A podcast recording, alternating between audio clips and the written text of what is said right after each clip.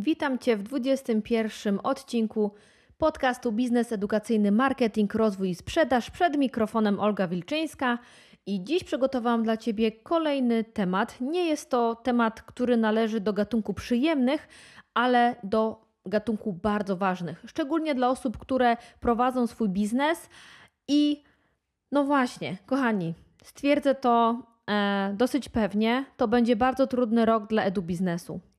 Dlaczego tak uważam oraz co możesz zrobić, aby zapobiec pogorszeniu finansów e, Twojej firmy edukacyjnej? Powiem dokładnie wszystko w tym odcinku, więc zostań ze mną do końca.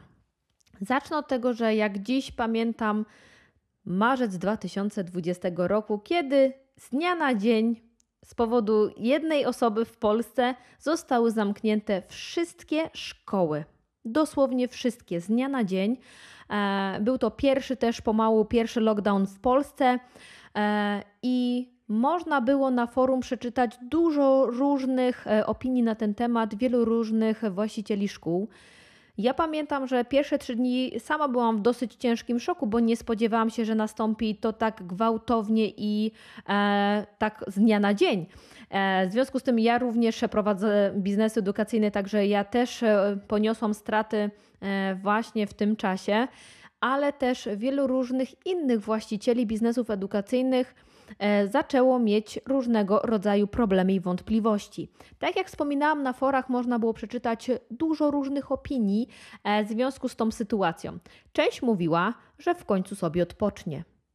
Bo przecież na początku było nam mówione, że to potrwa tylko 3 tygodnie, więc idealne 3 tygodnie odpoczynku, super fajnie, można naładować baterię. Z drugiej strony bardzo dużo osób pisało, że zostali pozbawieni dochodu z dnia na dzień. E, w najgorszej sytuacji były osoby, które uczyły mm, indywidualnie i oczywiście rozliczały się per zajęcia. Te, te osoby miały zdecydowanie e, trudną sytuację ale też e, inne placówki, które po prostu w związku z tym, że nie świadczyły usług, nie mogły pobierać płatności za kontynuowanie kursów grupowych czy też indywidualnych.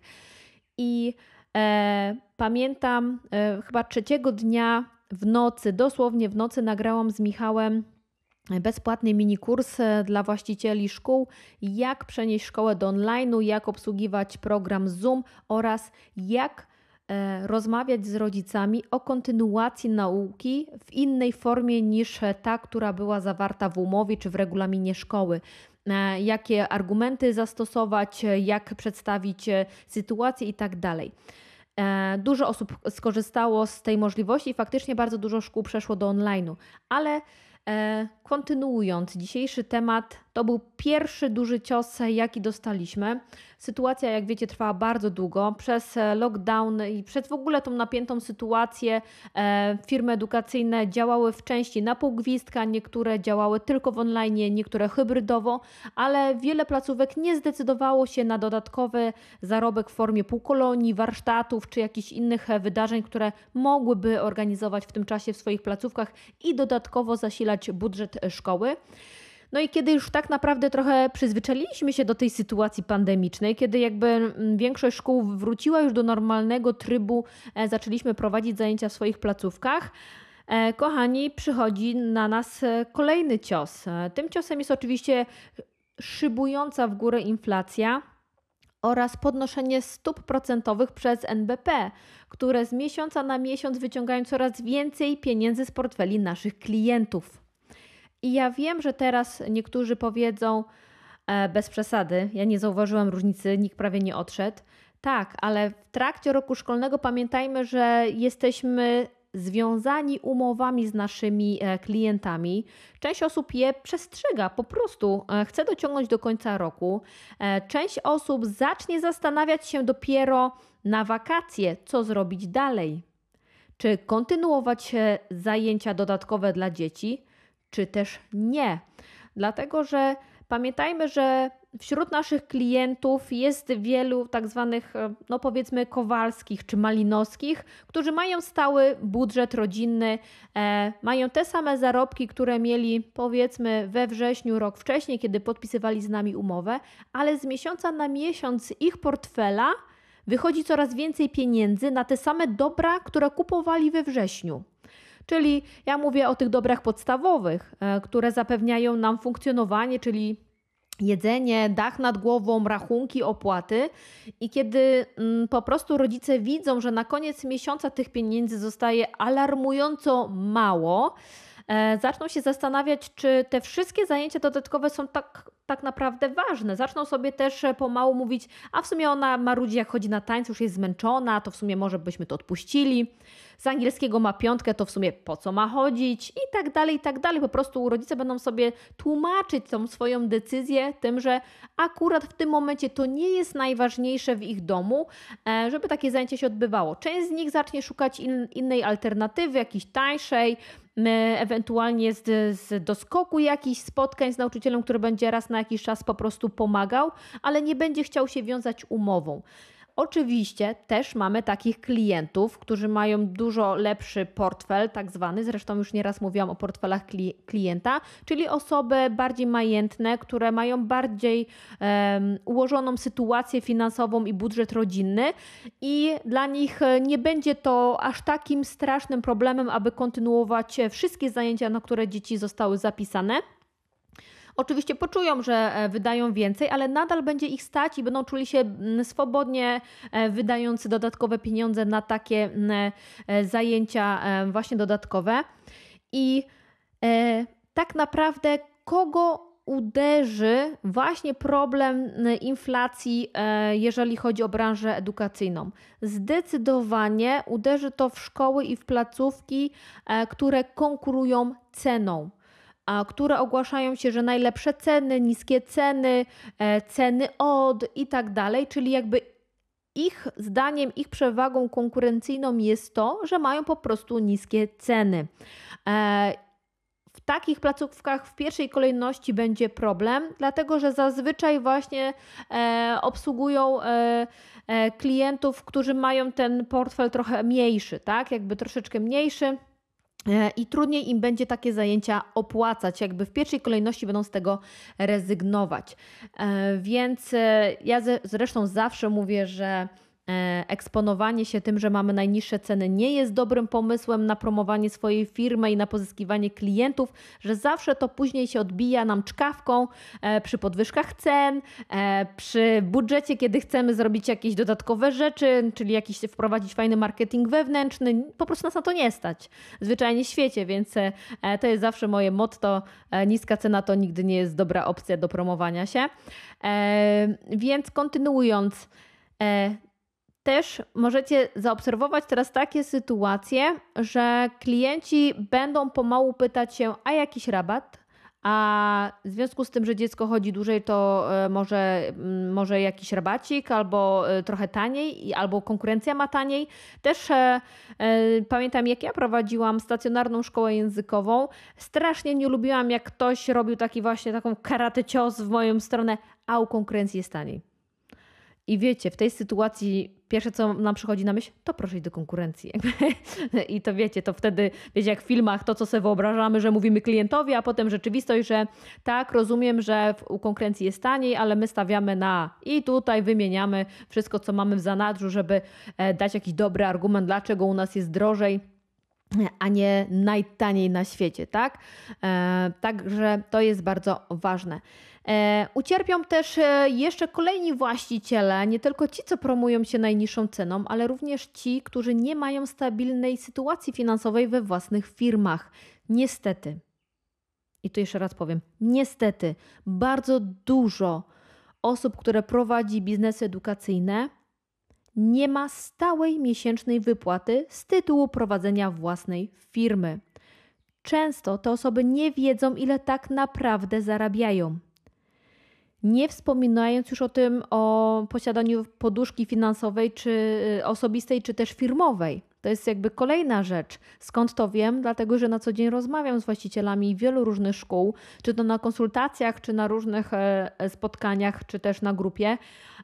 I to są realne sytuacje.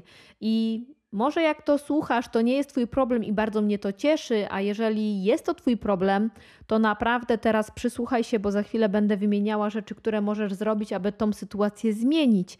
Dlatego, że brak stabilizacji finansowej, brak wypłaty przez 12 miesięcy Wypruwanie sobie często flaków po to, aby opłacić faktury, wynagrodzenia, rachunki, jakieś czynsze, księgową, e, a na koniec coś tam dla nas zostaje, po prostu będzie wypalać ciebie od środka. I finał finałów e, albo będziesz ciągnąć coś, co jest nierentowne, coś, co wypala cię od środka i po prostu demotywuje e, do dalszego rozwoju i działania. E, no albo po prostu zamkniesz ten biznes i pójdziesz gdzieś na etat. A domyślam się, że otworzyłaś firmę, żeby nie pracować u kogoś na etacie, więc tego na pewno nie chcemy. No ale taka jest prawda. Niestety dużo osób takich rzeczy nie ma. Co możesz zrobić, aby kampania rekrutacyjna na nowy rok szkolny była udaną kampanią w Twojej firmie i żeby to była kampania, która pomoże Ci odzyskać stabilizację finansową e, oraz to, żeby liczba kursantów w Twojej szkole była taka, jaką chcesz mieć. To jest szalenie ważne. Zaczniemy od punktu numer 8.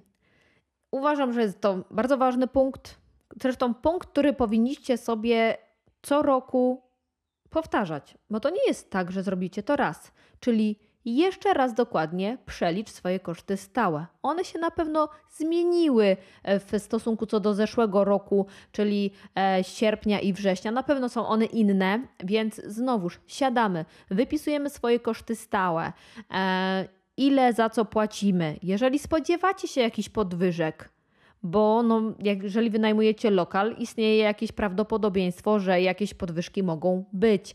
To też jakby tutaj możecie już nawet lekko zawyżyć. Ja zresztą bardzo często zawyżam lekko swoje koszty stałe. Jakoś tak mi lepiej. po prostu wolę, wolę zawyżyć niż potem się zdziwić. Więc e, tu zachęcam też do takiej praktyki. Kolejna rzecz, podpunkt numer 7. Nie wspomagaj się kredytami, chwilówkami. Ja wiem, że jak wyskoczyła, wyskoczył koronawirus i lockdown, i nikt się tego nie spodziewał, bo nas nikt do tego nie przygotowywał, stało się to z dnia na dzień. Tak jak mówiłam, wielu właścicieli firm nie miało pieniędzy, żeby przetrwać miesiąc. Nie mówiąc już o kolejnych miesiącach e, stagnacji lub zdecydowanie zmniejszonych wpływów na konto.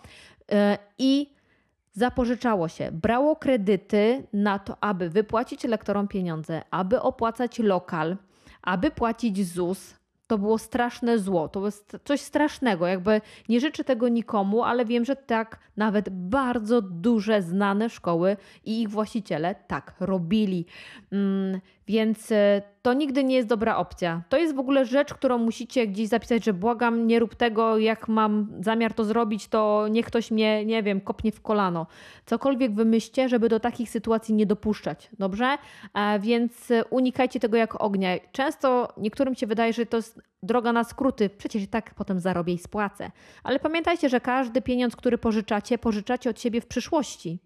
Zabieracie sobie swoje pieniądze w przyszłości. To jest straszne. Jakby wyobraźcie to sobie, mnie to zawsze przeraża. E, szósteczka. Zaplanuj budżet marketingowy włącznie ze wszystkimi okazjami, w których kupujesz jakieś drobiazgi dla uczniów.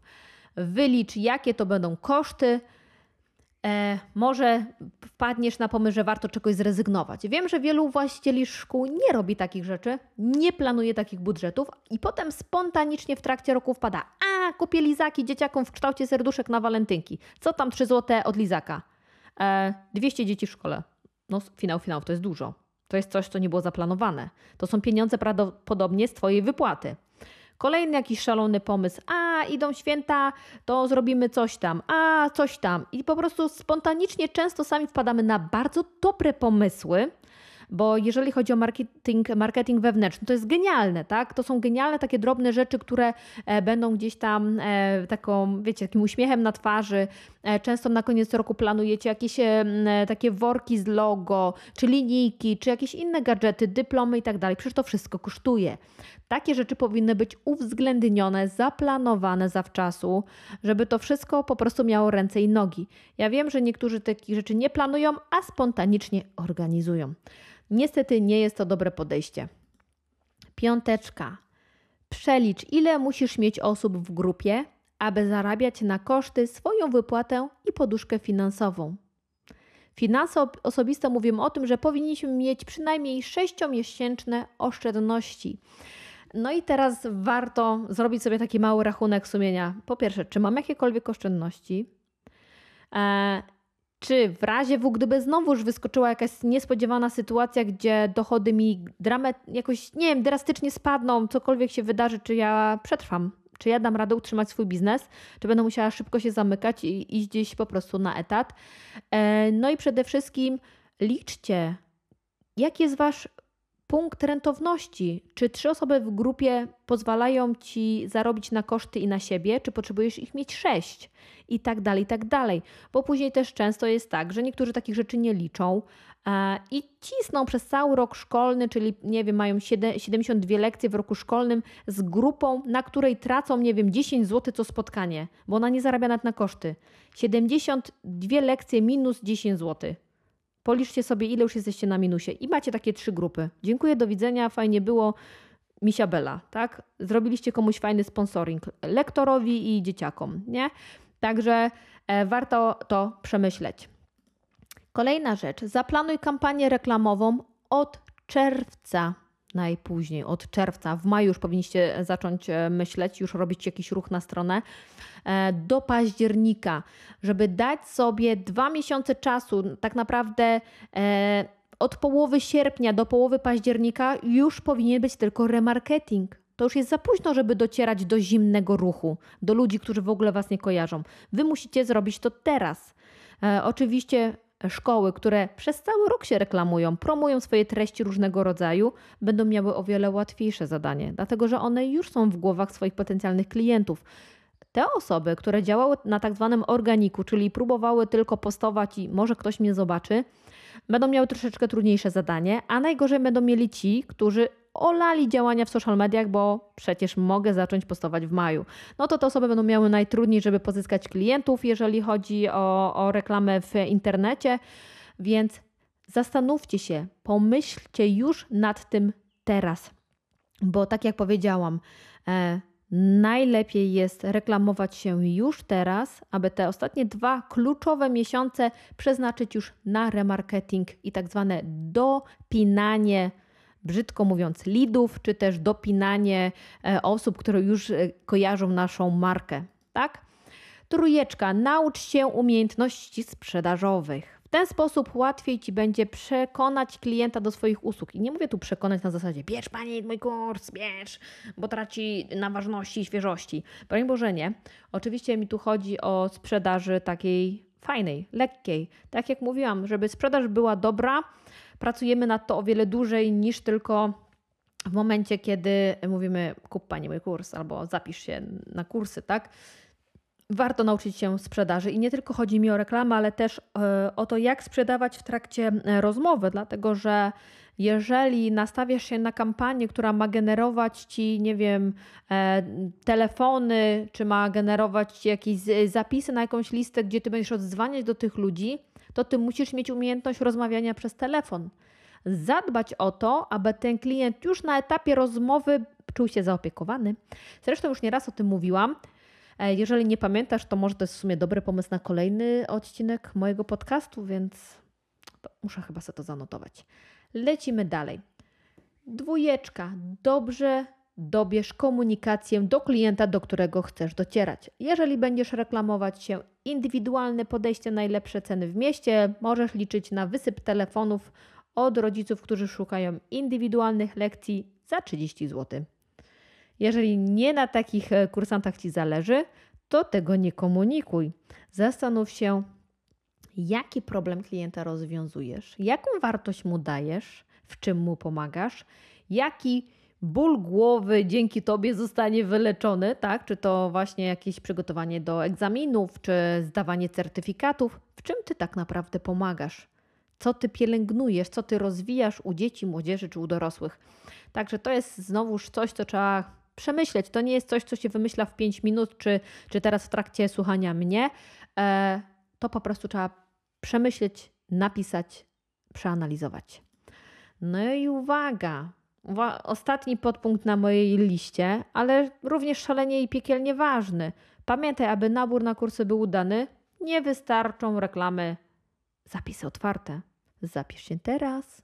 Ostatnie miejsca w grupie to stanowczo za mało na udaną kampanię. I oczywiście takie reklamy są ważne, ale one są jednym z elementów całej kampanii, bo pamiętajmy, że kampania to jest kilka rodzajów reklam, które prowadzą finalnie do tego samego, e, ale mają za zadanie dać klientom nas poznać bliżej, pokazać im wartość siebie, to co robimy, nasz zespół i tak krok po kroczku prowadzić go do, do zapisania się na nasze kursy, więc jest to dłuższy proces.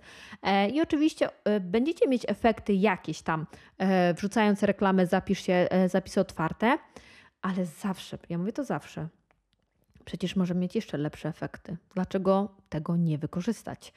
Ja, jeżeli mam do wyboru duże lody albo mega big, big super extra, nie wiem, super wielkie z ekstra polewą, to zawsze wybieram te super extra big wielkie z polewą.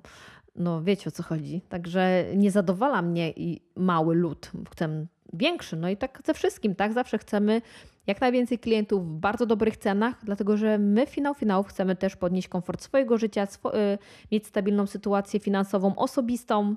Po prostu chcemy dobrze zarabiać. No i taka myśl na sam koniec e, dla Was dzisiaj. Prawda jest taka, że to tak naprawdę od Ciebie zależy, jaka to będzie kampania, jak ona przejdzie i ile będziesz zarabiać w przyszłym roku szkolnym. Domyślam się, że jak mnie słuchasz, to sobie chillujesz, ale zastanów się, kto realnie ma wpływ na to, co się dzieje w Twojej firmie. Kto realnie ma wpływ na Twoje finanse, kto realnie ma wpływ na to, jak rozwija się Twoja firma, w którym kierunku oraz kto się w niej uczy. Podpowiem Ci, to jesteś Ty. Dziękuję Ci za dziś, do usłyszenia już niedługo w kolejnym odcinku, a tymczasem życzę Ci owocnych przemyśleń. No i do roboty, kochani, no samo się po prostu nie zrobi.